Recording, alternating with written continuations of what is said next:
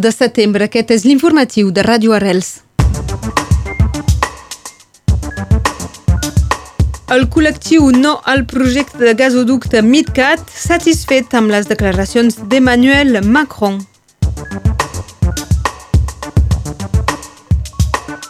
Els sindicats criden els tècnics de laboratori de l'Hospital de Perpinyà a fer vaga avui. L'educació als metges és una de les prioritats de l'ARCOM, el nou nom de l'ex-CSA.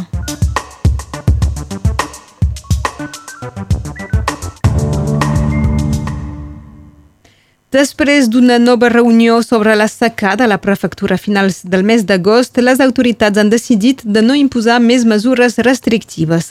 Durant la trobada s'ha valorat positivament la resposta dels agricultors que han estalviat eh, encara més aigua del que se'ls exigia.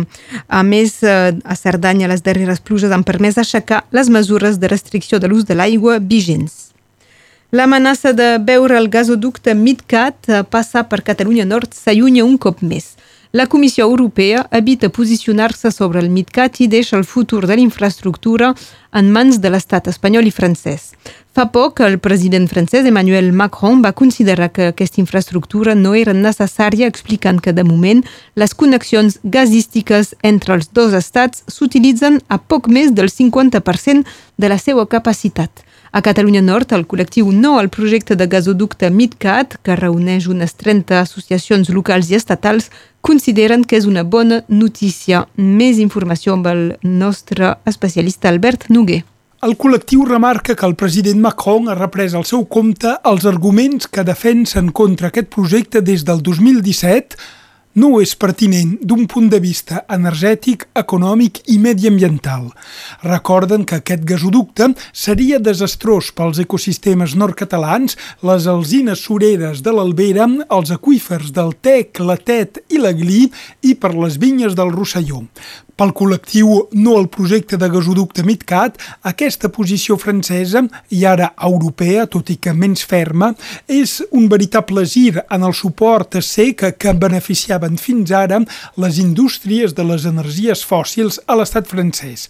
Per això n'aprofiten per demanar l'aturada definitiva de les inversions públiques en infraestructures que exploten les energies fòssils i agreusen la crisi climàtica. També recorden la importància de la concertació participació pública per tots aquests projectes que posen en joc l'escalfament climàtic, els recursos en aigua o les terres agrícoles. El col·lectiu No al projecte de gasoducte MidCat organitza aquest dijous a Girona una roda de premsa amb la plataforma de resposta al MidCat que federa associacions sud-catalanes contra aquest projecte per pressionar el govern espanyol perquè ell també abandoni aquest projecte. Gràcies, Albert Noguer. Des d'aquest mes de setembre, els efectius de gendarmeria compten amb 80 gendarmes mòbils suplementaris. Aquest reforç va ser anunciat per Gérald Darmanin després d'un tiroteig a la cité Clodion de Perpinyà. Aquests 80 agents de les forces de l'ordre seran presents durant 4 mesos amb l'objectiu de reduir la delinqüència a la via pública i de lluitar contra el tràfic de drogues.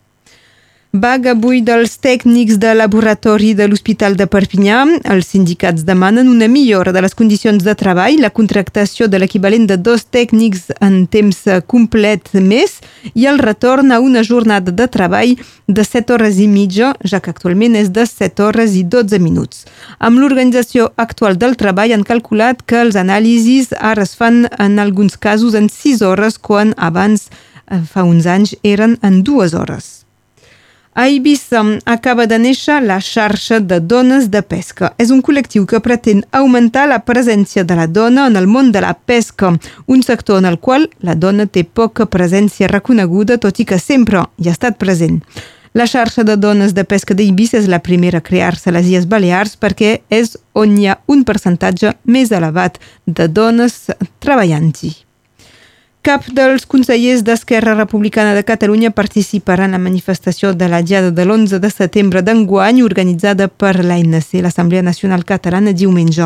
Divendres passat, el president de la Generalitat, Pere Aragonès, ja va formalitzar que no seria en aquesta manifestació.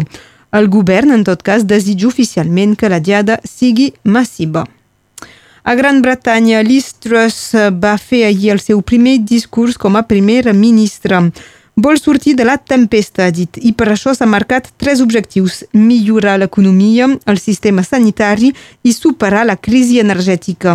Ahir la reina Elisabet II va acceptar la dimissió formal de Boris Johnson abans de nomenar una de les seues fidels militants, la conservadora Liz Truss, com a nova cap de govern durant una breu reunió al castell de Balmoral a Escòcia. Truss és, doncs, la tercera dona primera ministra britànica després de Margaret Thatcher i Theresa May.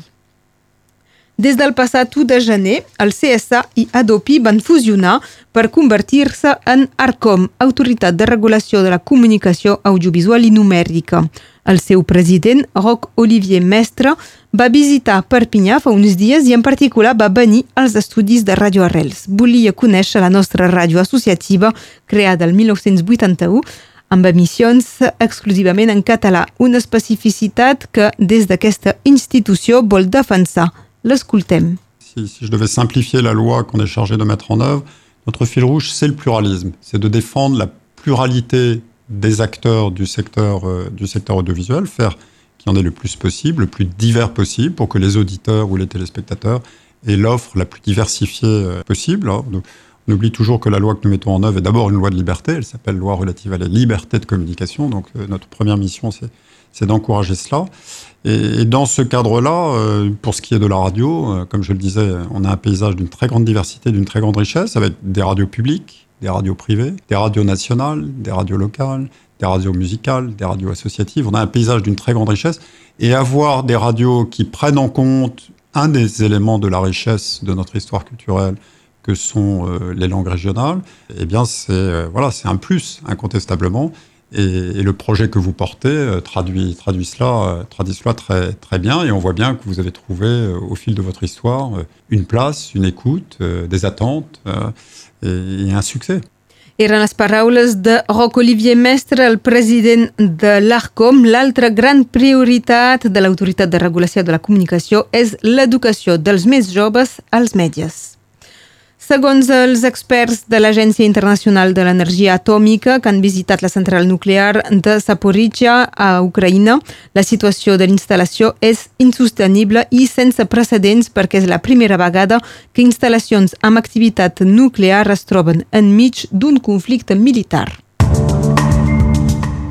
Passem als esports, comencem amb el ciclisme. El municipi de Llíbia, a l'Alta Cerdanya, acollirà una sortida d'etapa de la pròxima edició de la Volta a Catalunya. Els organitzadors ho van anunciar ahir, que aquesta volta passarà per l'enclavament en una etapa pirinenca. La Volta al Catalunya se celebrarà el del 20 al 26 de març del 2023. I en futbol, el Barça debuta aquest vespre en l'edició d'enguany de la Lliga de Campions. Els blaugranes reben el Camp Nou a partir de les 9 de la nit l'equip teòricament més feble del seu grup, el Victoria Pilsen.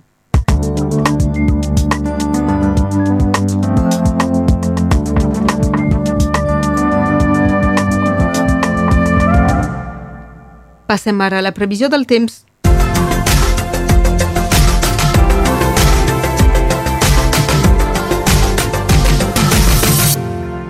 Aquest dimecres el dia és marcat per una alternança de sol i núvols amb un domini de l'ambient assolellat a tot el país i sense precipitacions. Això sí, hi haurà una lleugera marinada, sobretot al litoral.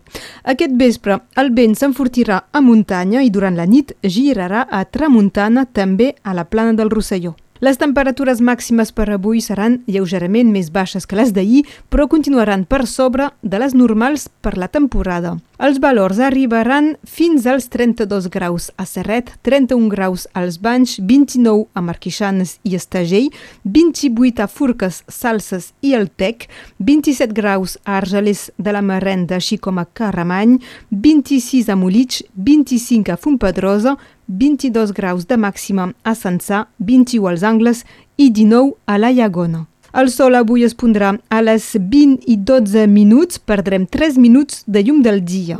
Aquest dimecres és un dia de perigeu lunar, és a dir, el dia que la lluna i la terra es troben més a prop i es desaconsella de treballar a l'hort. El 7 de setembre de l'any 1894 va néixer a Kazan Yelena Ivanovna Jakonova, coneguda com a Gala Dalí, dona i musa de Salvador Dalí, va morir a Port Lligat l'any 1982 als 87 anys.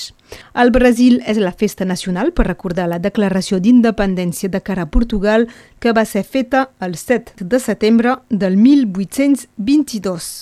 Avui és Santa Regina.